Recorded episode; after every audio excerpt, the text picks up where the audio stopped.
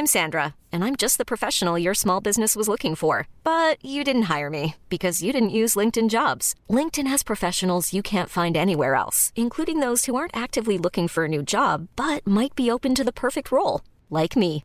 In a given month, over 70% of LinkedIn users don't visit other leading job sites. So if you're not looking on LinkedIn, you'll miss out on great candidates like Sandra. Start hiring professionals like a professional. Post your free job on linkedin.com/achieve today. When people are happy with risk and embrace risk, then by definition, uh, prices go high.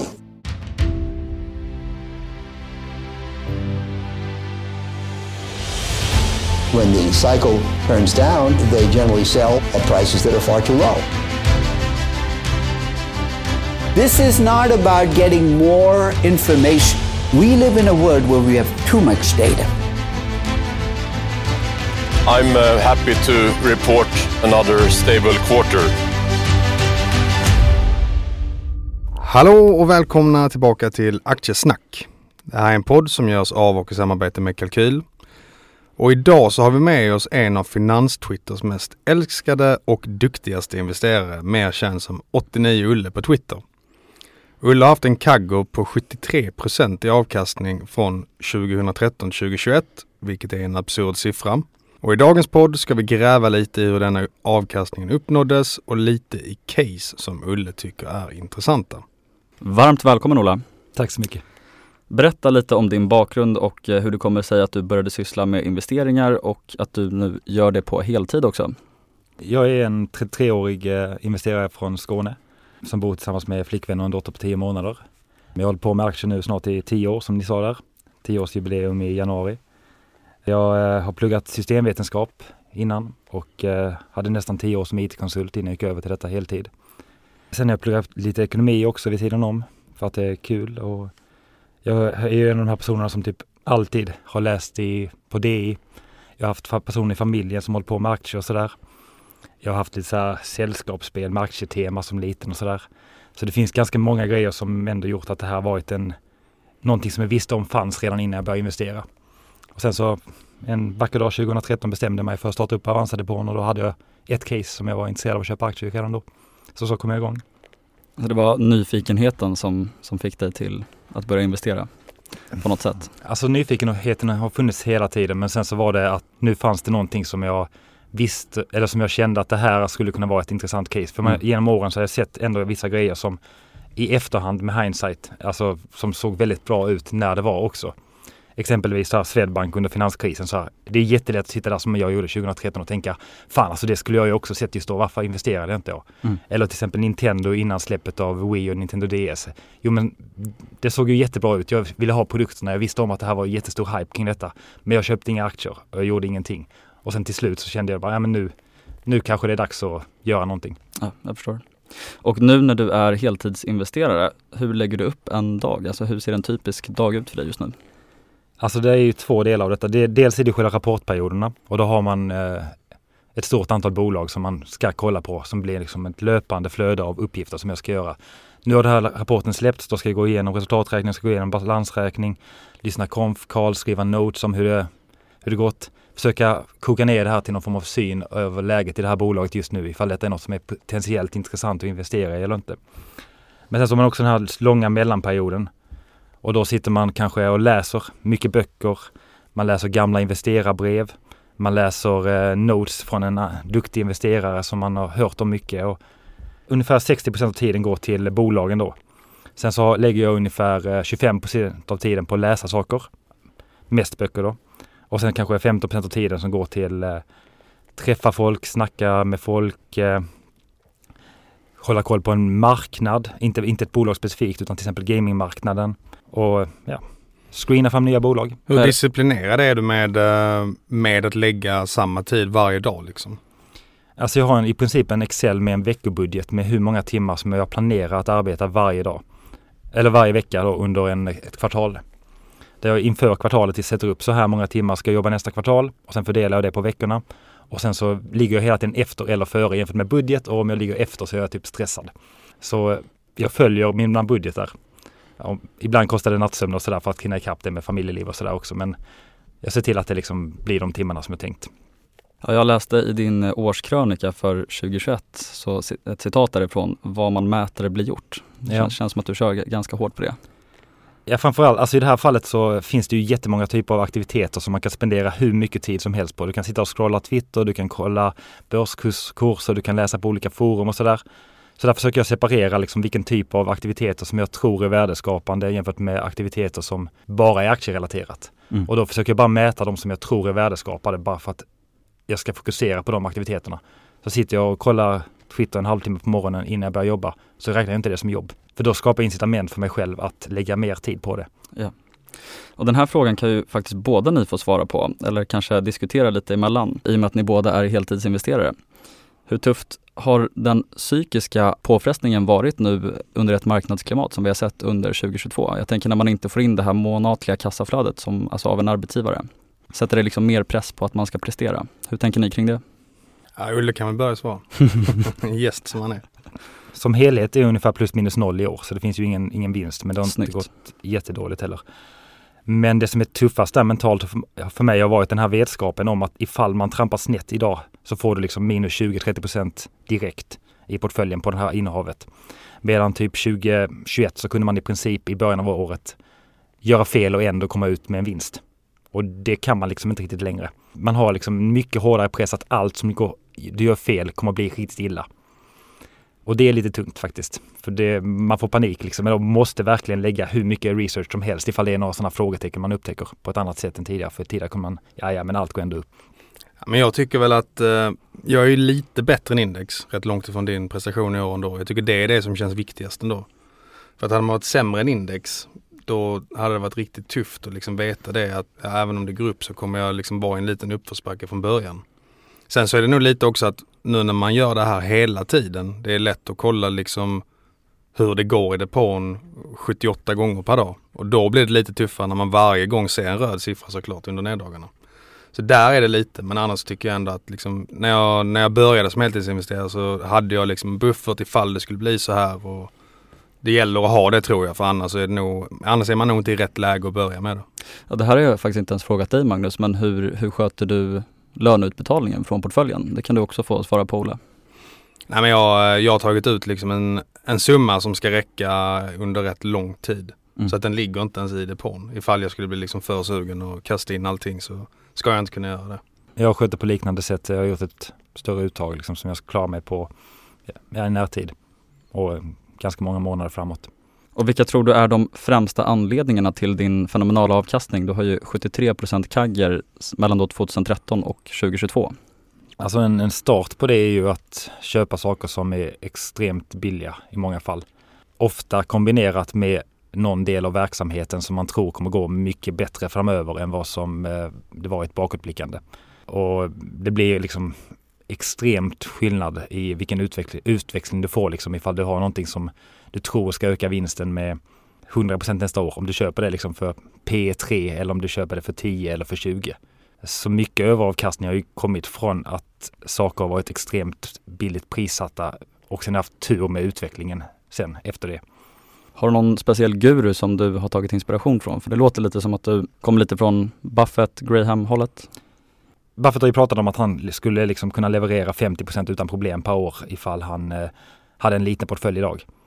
Och jag tror ju att den vägen de tänker då liksom när han säger det här, det är ju att man det är väldigt svårt att leverera en, en sinnessjuk avkastning om du liksom bara baserar detta på att du ska köpa någonting med 30 tillväxt per år och betala P25 för det.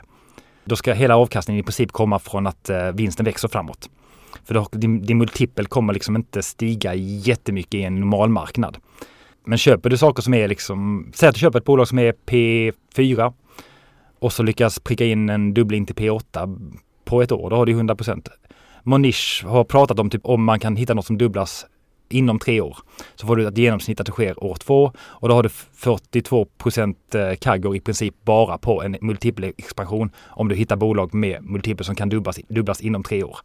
Och så får du fylla på där liksom med utdelning och återköp i det här och förhoppningsvis någon form av eh, ökning av vinst per aktie också. Som man vill ha liksom så alla tre faktorerna helst spelande liksom i ditt, din fördel samtidigt. För då kan det bli liksom så här sinnessjuka utvecklingar. Och då menar du eh, multipel expansion, marginalexpansion och omsättningstillväxt?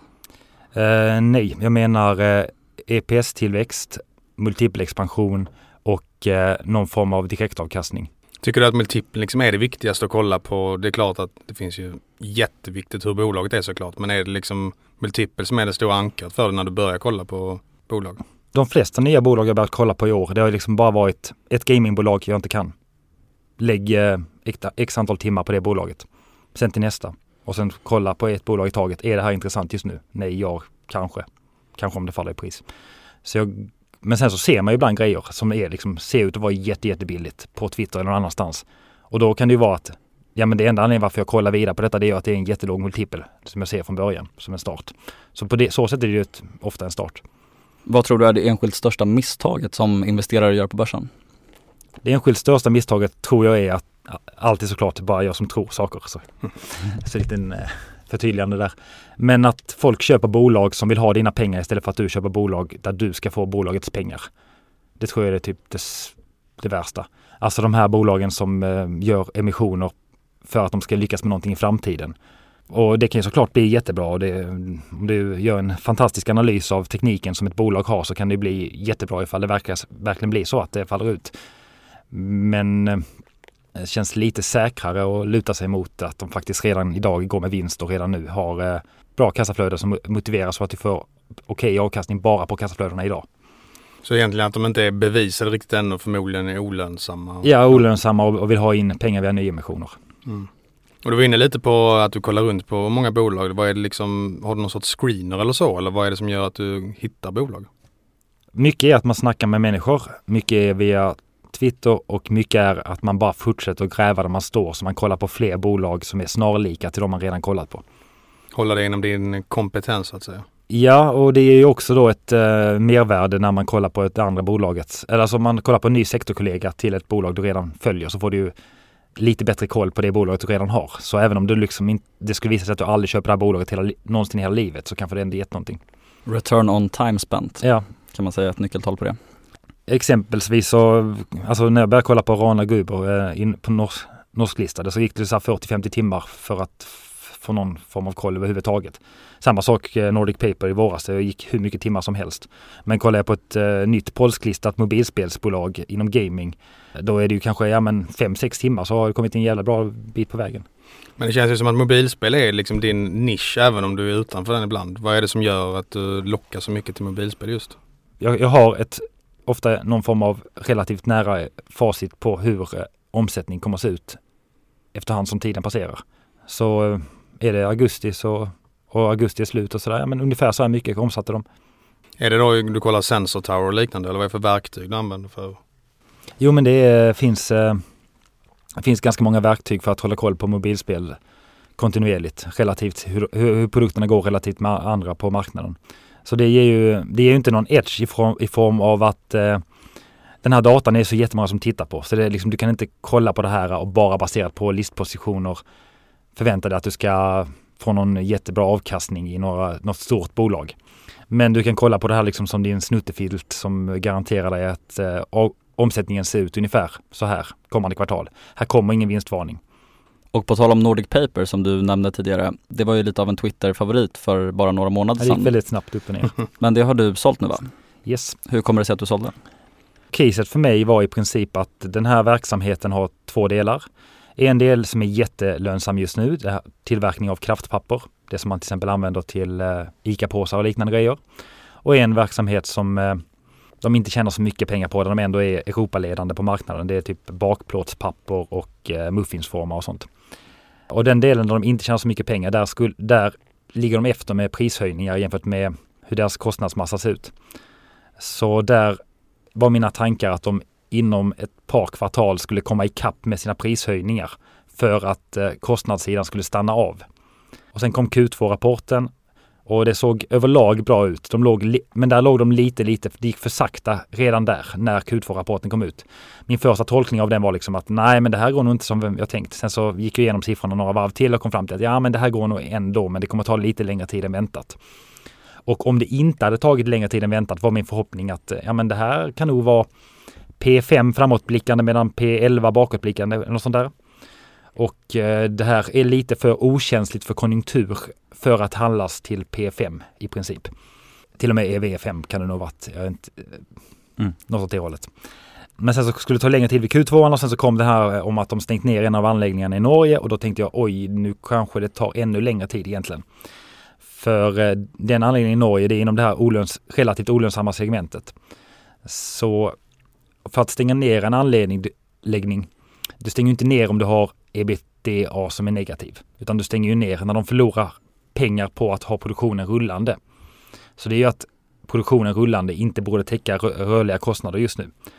Så då fick man liksom en indikation, okej okay, vid den här elpriset så är det så illa att det liksom inte är lönt att göra någonting överhuvudtaget. Det är bättre att bara säga till alla, gå hem, vi kör igenom några dagar.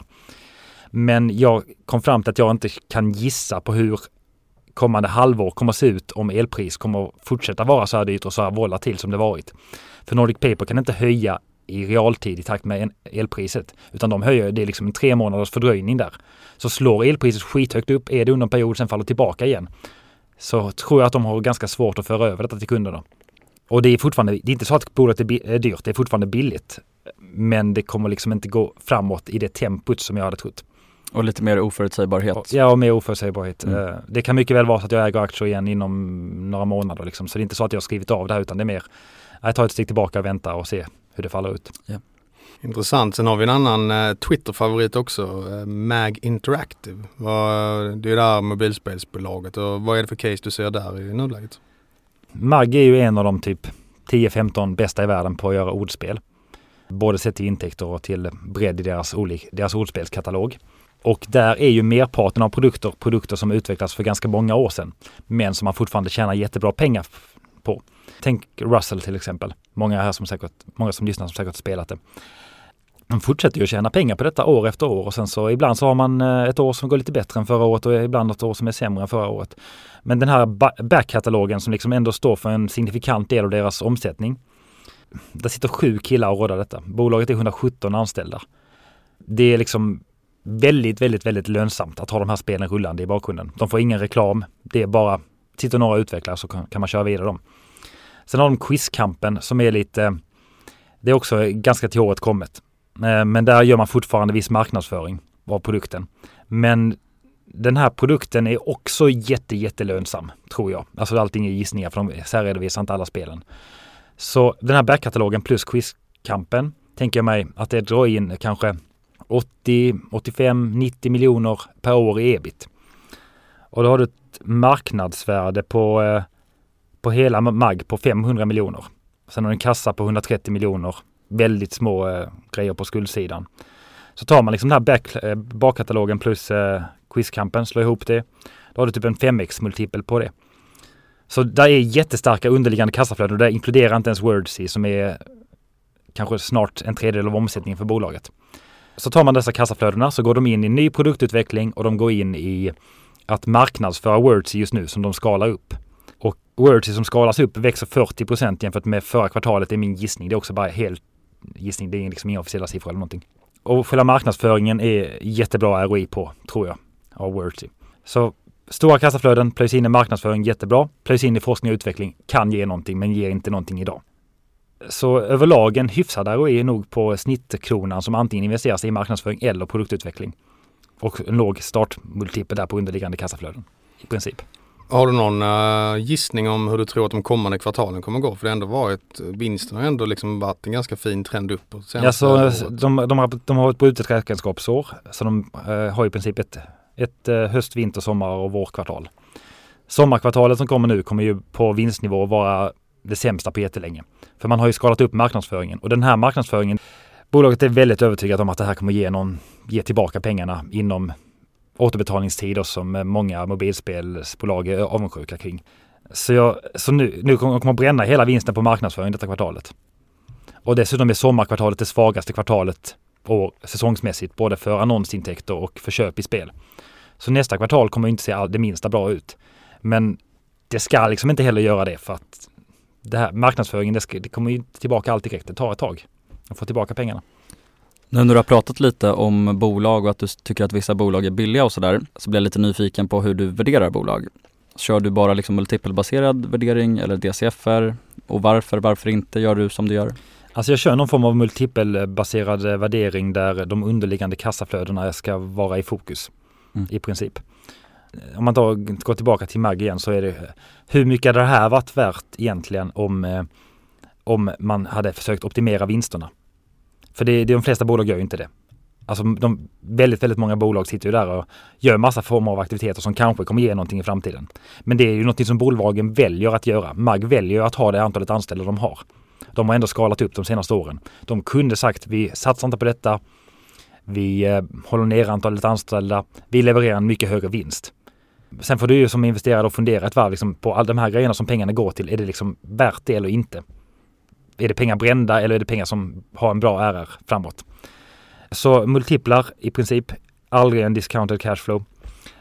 Sen försöker jag fundera på vilken avkastning får jag just nu av att äga den här tillgången och är den liksom för låg eller för hög jämfört med hur pass bra detta är. Så om jag får liksom ett antal procent direktavkastning, de köper tillbaka ett antal procent av aktierna per år.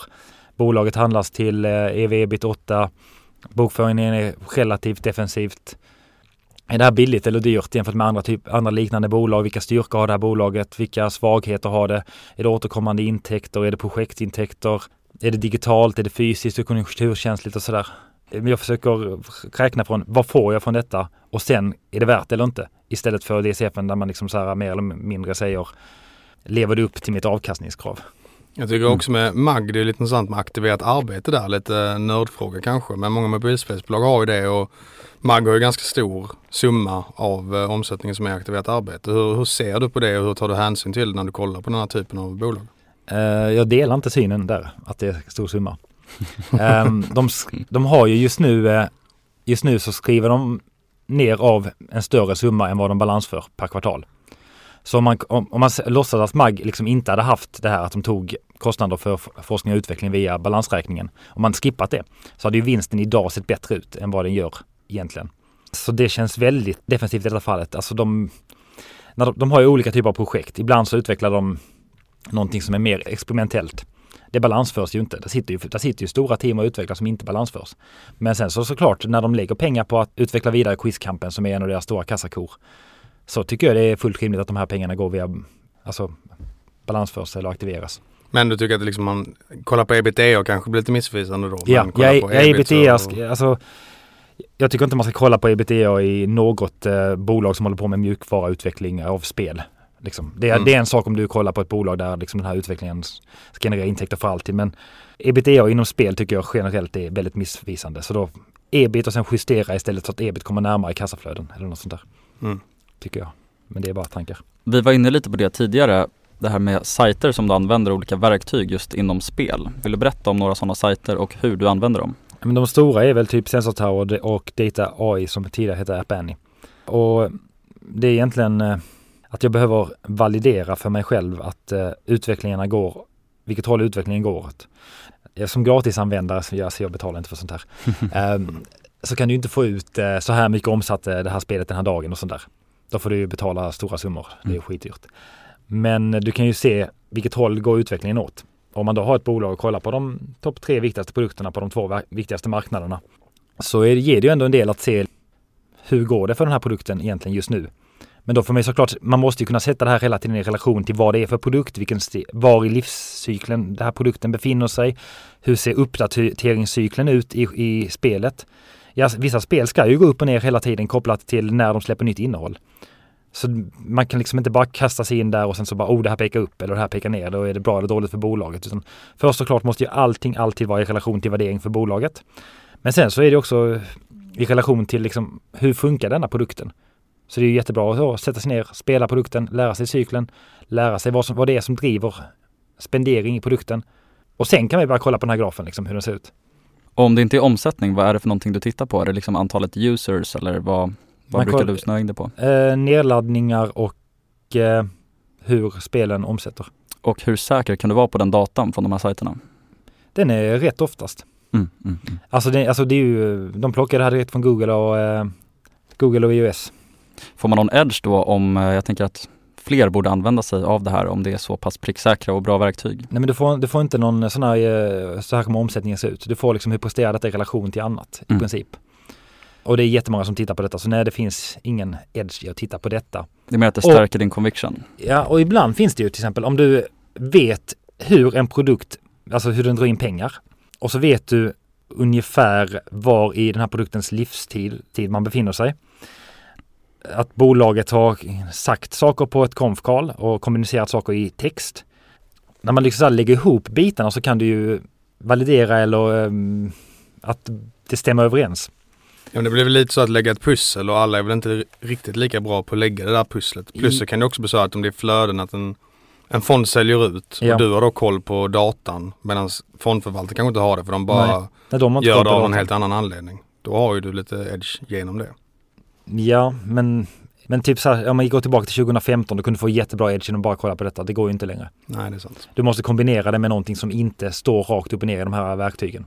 Är det bara på det verktygen då kommer eh, det finnas massa amerikanska fonder och annat som handlar detta kvantitativt. Vid årsskiftet hade du ungefär halva portföljen i Soho. Ja. Berätta mer om eh, det här caset just nu och hur tankarna går och hur din position ser ut idag. Alltså det här är ju galet billigt om vi börjar så. Eh, Men det är ju billigt för att det finns risker såklart också. Vi har i princip ett marknadsvärde på 600 miljoner dollar. Och så har vi 33,7 miljoner aktier. Och i kassan ligger det 1,4 miljarder dollar liksom. Så det är mer än två gånger börsvärdet i kassan. Så det kan inte... EVS blir mer meningslöst för det, det finns inget EV. Bolaget är en kinesisk internetportal från början som noterades i eh, USA i slutet på 90-talet under själva IT-yran där. Där var det en, eh, en kines som hade studerat i USA, Charles heter han, i alla fall den västerländska versionen av namnet. Och så bestämde han sig att han skulle göra liksom en eh, Yahoo-variant för Kina mot den kinesiska publiken. Så man byggde en portal som blev startsida på internet för jättemånga kineser. Det fanns några olika alternativ. NetEase hade någon lösning, Sina hade någon lösning. Sen inuti detta har man då bland annat byggt en sökmotor, Sogo, som var näst största i Kina, ganska nyligen i alla fall. Och sen så byggde man ett spelbolag där man, använde, där man drev trafik delvis genom sin eh, portallösning.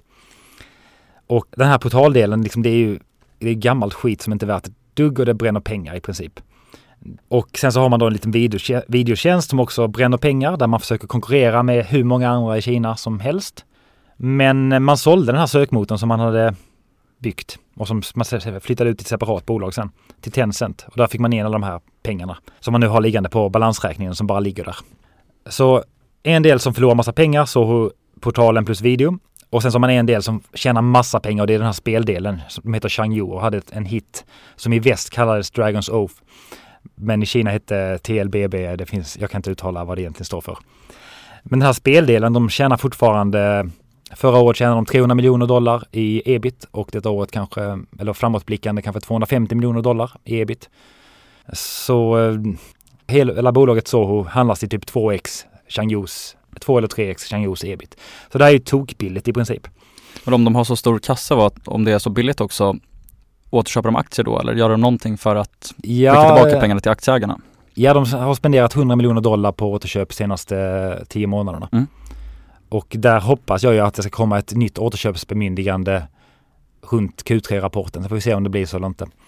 Mm, Som vi säger ytterligare 100 miljoner dollar. Sen så håller ju vdn på där och tokköper aktier. Han har ju köpt ett par procent av bolaget det senaste året också. Samtidigt då som återköpet tuggat. Mm. Så i konkurrens med återköpet. Men eh, tar man liksom kassan, slänger på, de äger lite fastigheter, man sätter en väldigt billig multipel på Changyus vinster, kanske fem gånger EV-ebit eller något liknande. Så har vi typ 80, 80 plus eh, dollar per aktie liksom i värde här och så handlas den till 17. Så det är liksom, det är väldigt mycket för billigt för att jag ska kunna släppa det här helt. Men sen så finns det ju jättemycket risker, framförallt kopplat till eh, Kina och USA.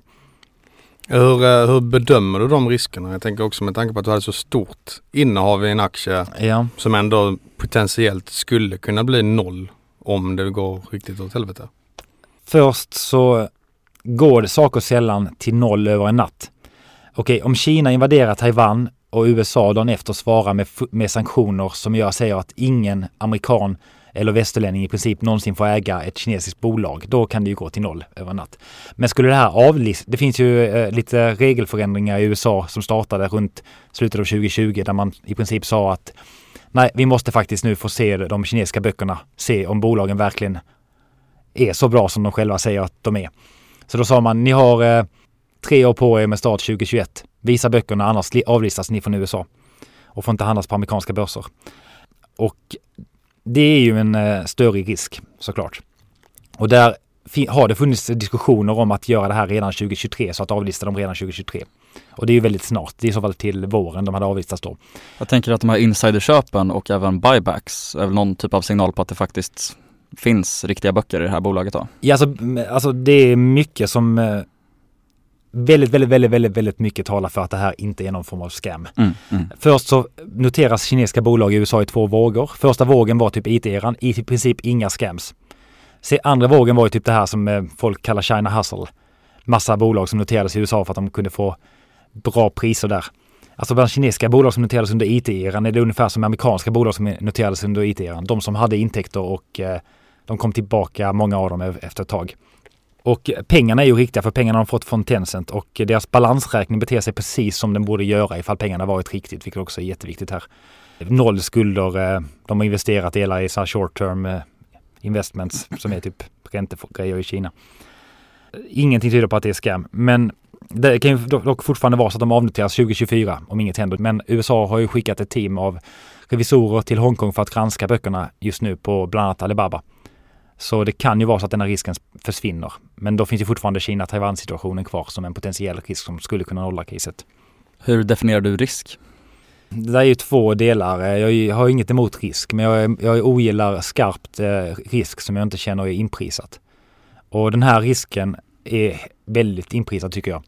För min gissning är att om man hade vetat att så inte skulle avnoteras inom två, tre år så hade nog kursen varit dubblad. Vilket är ditt största innehav idag då och varför?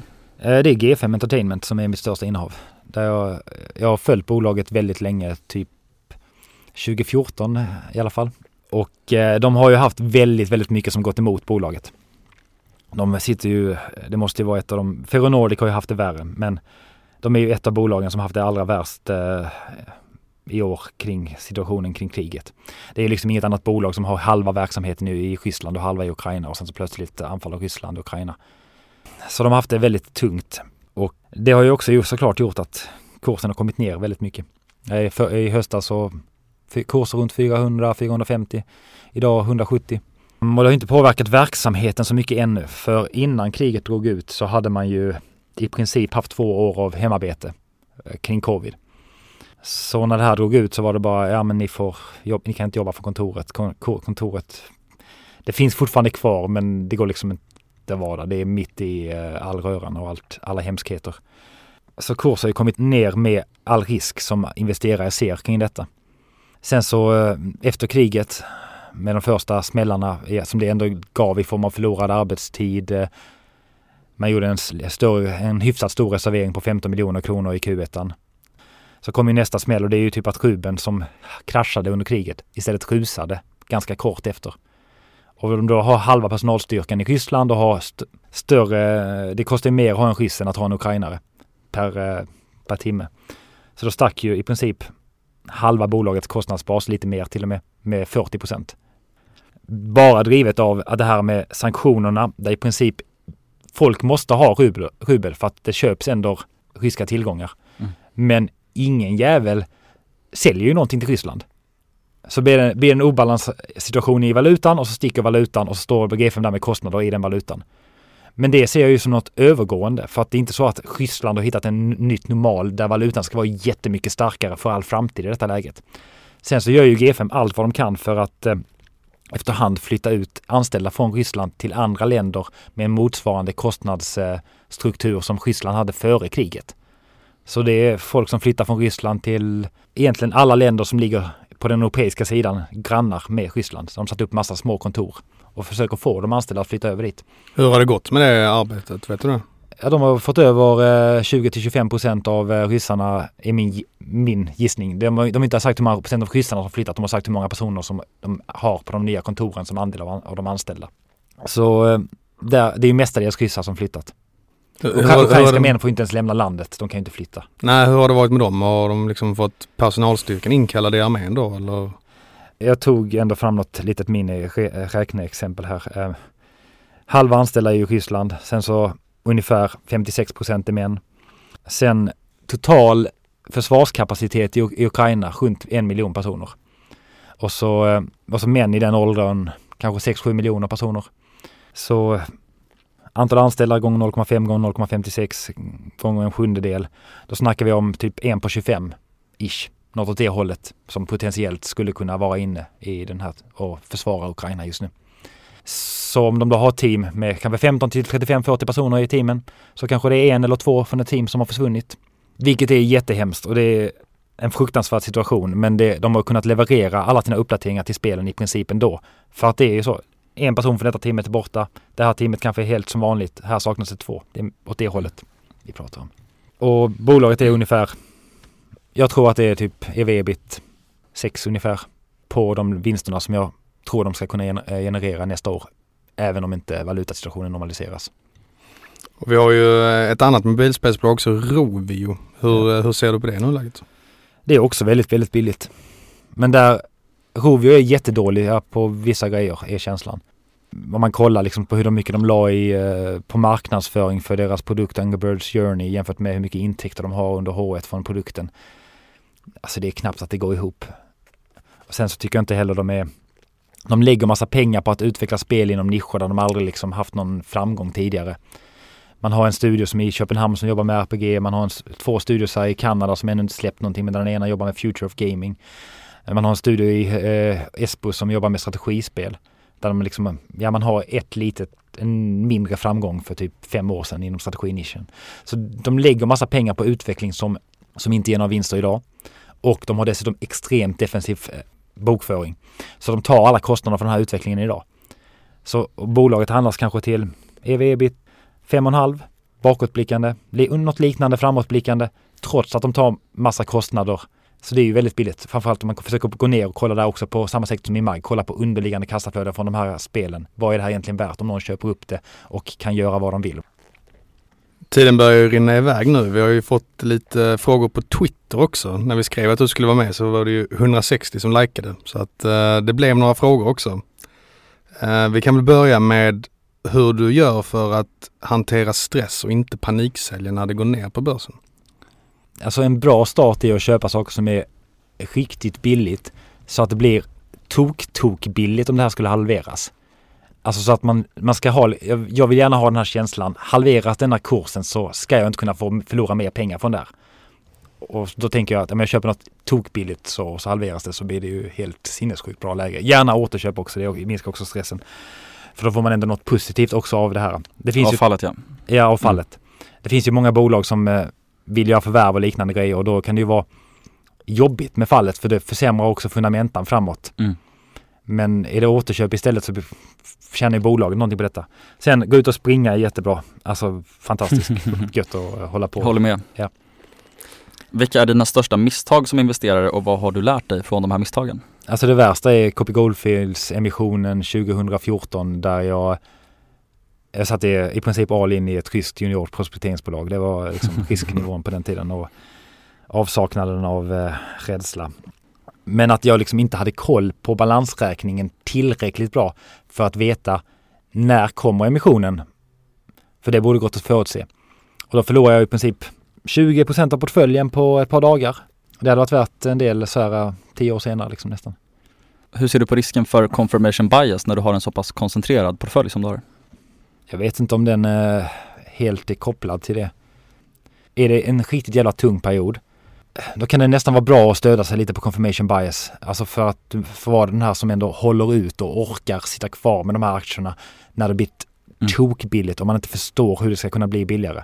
Det är nästan så att man medvetet lutar sig mot confirmation bias där och liksom bara söker massa positiva datapunkter i vissa enskilda tillfällen. Men det måste ju, man måste ju såklart ha rätt om man i så fall. Precis, jag tänkte att du borde ju ha åkt på några value traps med din strategi. Att du har försökt köpa väldigt, väldigt billiga tillgångar och aktier och sen så har det inte visat sig vara så billigt framåtblickande kanske. Mm. Eller allt har gått Nej, allt har inte gått, allt har ju såklart inte gått bra. Um, men inget har gått dåligt? Jo, men det finns mycket så, alltså eh, om man tar Funcom till exempel, eh, billigt på relativvärdering för ett par år sedan. Eh, tyckte det blev billigare hela vägen tills de blev utköpta, förlorade en del pengar på det. Men det är in, alltså, jag har inte haft den här att jag pekat på någonting som var ev ebit 4 och sen blev det en jättestor förlust för att det visade sig vara ev ebit 11. Det, den typen av stora miner har jag ännu inte gått på men det kommer garanterat. Och eh, vi har en fråga också, vilka är dina tre favoritspel? Sett till hur mycket jag har spelat dem eller till eh, vad som är kul, roligast? Roligast tror jag. Roligast idag. Pappa Keno på Twitter tipsa, tipsade om Inscription eh, i våras. Första akten där var helt fantastiskt, första delen, delen av spelet. Det är typ det roligaste jag spelat på länge. Sen XCOM 2 var också skitroligt när jag drog igång den nyligen. Alltså typ för ett år sedan. Eh, det gick liksom inte att fortsätta för att det hade tagit för mycket tid. Historiskt så Guild Wars, Counter-Strike och Civilization kanske. Vilka är dina tre favoritböcker relaterade till finans och investeringar? Eller vi kanske ska säga skrifter, för jag vet att du gillar investerarbrev och andra saker än böcker också. Så dina topp tre? Alltså skrifter så är det ju eh, de tidiga eh, Buffett Partnership Letters. Jag tycker det, de är, var ju jättebra. Böcker eh, är svårt att ta på rak arm men om man ska säga något som inte är fullt lika populärt som många andra böcker så Financial Shenanigans är jättebra. De typ går igenom massa hur bolag kan trixa med sin redovisning i princip. Eller göra saker som är liksom lite halvolagligt. Inte, inte, nej, inte olagligt men lite halv okej. Okay. Financial engineering. Ja, exakt. Mm. Annars så Taleb är ju fantastisk. Håller med. De här fem böckerna som finns. Har du läst allihopa? Jag har lyssnat om, lyssnat slash läst om de, de fyra av de fem ganska nyligen. The Snowball är ju bästa Buffett-boken, tycker jag. Vad tycker du om The Warren Buffett Way? Um, jag tycker den uh, är för kort och uh, väldigt, väldigt bra och konciv. Alltså det är väldigt uh, packad med informationen och ger vägledning och kring hur, vad man kan titta på liksom för att få avkastning mm. på ett väldigt pedagogiskt och bra sätt. Varför tycker du att Snowball är bättre? För att jag vill ha de här liksom storiesarna av när han var eh, 12 och tjänade pengar på pinball machines. Liksom. Det, är, det, det är väldigt, väldigt inspirerande. Mm. Det, är inte, det är inte en how-to-bok utan det är mer eh, Lite mer story, storytelling. och inspirerande och eh, nice. Mm. Hur många aktieböcker har du läst eh, sammanlagt? Mm, ja men jag har, inte läst, jag har inte läst så otroligt mycket. Jag började med ljudböcker 2014 och sen har jag plöjt eh, i princip en, en aktierelaterad bok i månaden sedan dess fysiska böcker en 100, 100 mellan 100 och 150 kanske just nu. Ja, vissa skulle säga att det är en del. Ja, men jag har inte börjat läsa på allvar förrän jag slutade jobba. Det är väl typ 100 gånger mer än dig Magnus? Nej, en tiondel. och slutligen och kanske min favoritfråga som är ställd av Pappa Keno på Twitter. Hur finner du en större mening med att investera på heltid? Alltså jag tycker det är sjukt kul med alla former av tävling. Och det här är ju, investering är ju både en tävling framförallt en tävling mot sig själv. Men också en tävling mot ens track record och en, i viss mån även en tävling mot andra. Så det är, det är jättekul att uh, få någon form av kvantifierbar feedback på hur någonting uh, går. Sen så är det ju, det är ju göttigare att ha ett liv där du liksom ändå träffar kollegor och hänger lite med dem också. Sen vet jag inte om det är optimalt ur ett uh, investerarperspektiv att träffa kollegor och sådär eller, eller vad som är bäst att sitta själv. Det, men menings, meningsmässigt så överlag så skulle jag nog säga att livet är lite, lite, lite mening, mer meningsfullt om man känner att man gör något lite mer än bara sitter i Excel hela dagarna. Precis, så kanske du får mer tid med barnet också som är tio månader va? Ja, men jag har inte valt att lägga tiden där, den extra tiden jag fått. Men jag lägger okay. väldigt mycket tid på kvällar och helger i alla fall. Ja, förstår. Mysigt. Ja men suveränt. Men ska vi sammanfatta avsnittet så mycket golden nuggets från en bevisligen väldigt duktig investerare. Speciellt inom mobilspel och liknande. Jag tror att man kan ta med sig mycket från det här och använda i sin egen investerarkarriär. Och sen ska vi också säga det här att vi, vi ger inga investeringsrekommendationer. Allt ni hört i den här podden är enbart information och inga råd eller rekommendationer. Precis så. Så med det så vill vi säga stort tack Lulle för att du kom hit idag. Det var kul. Stort tack Olle, väldigt lärorikt skulle jag säga. Tack så mycket. Vi ses i Twitterflödet och orderboken kanske. Och vi andra ses nästa vecka. Ciao! Vi ses, tack för att ni har lyssnat. Ha det bra!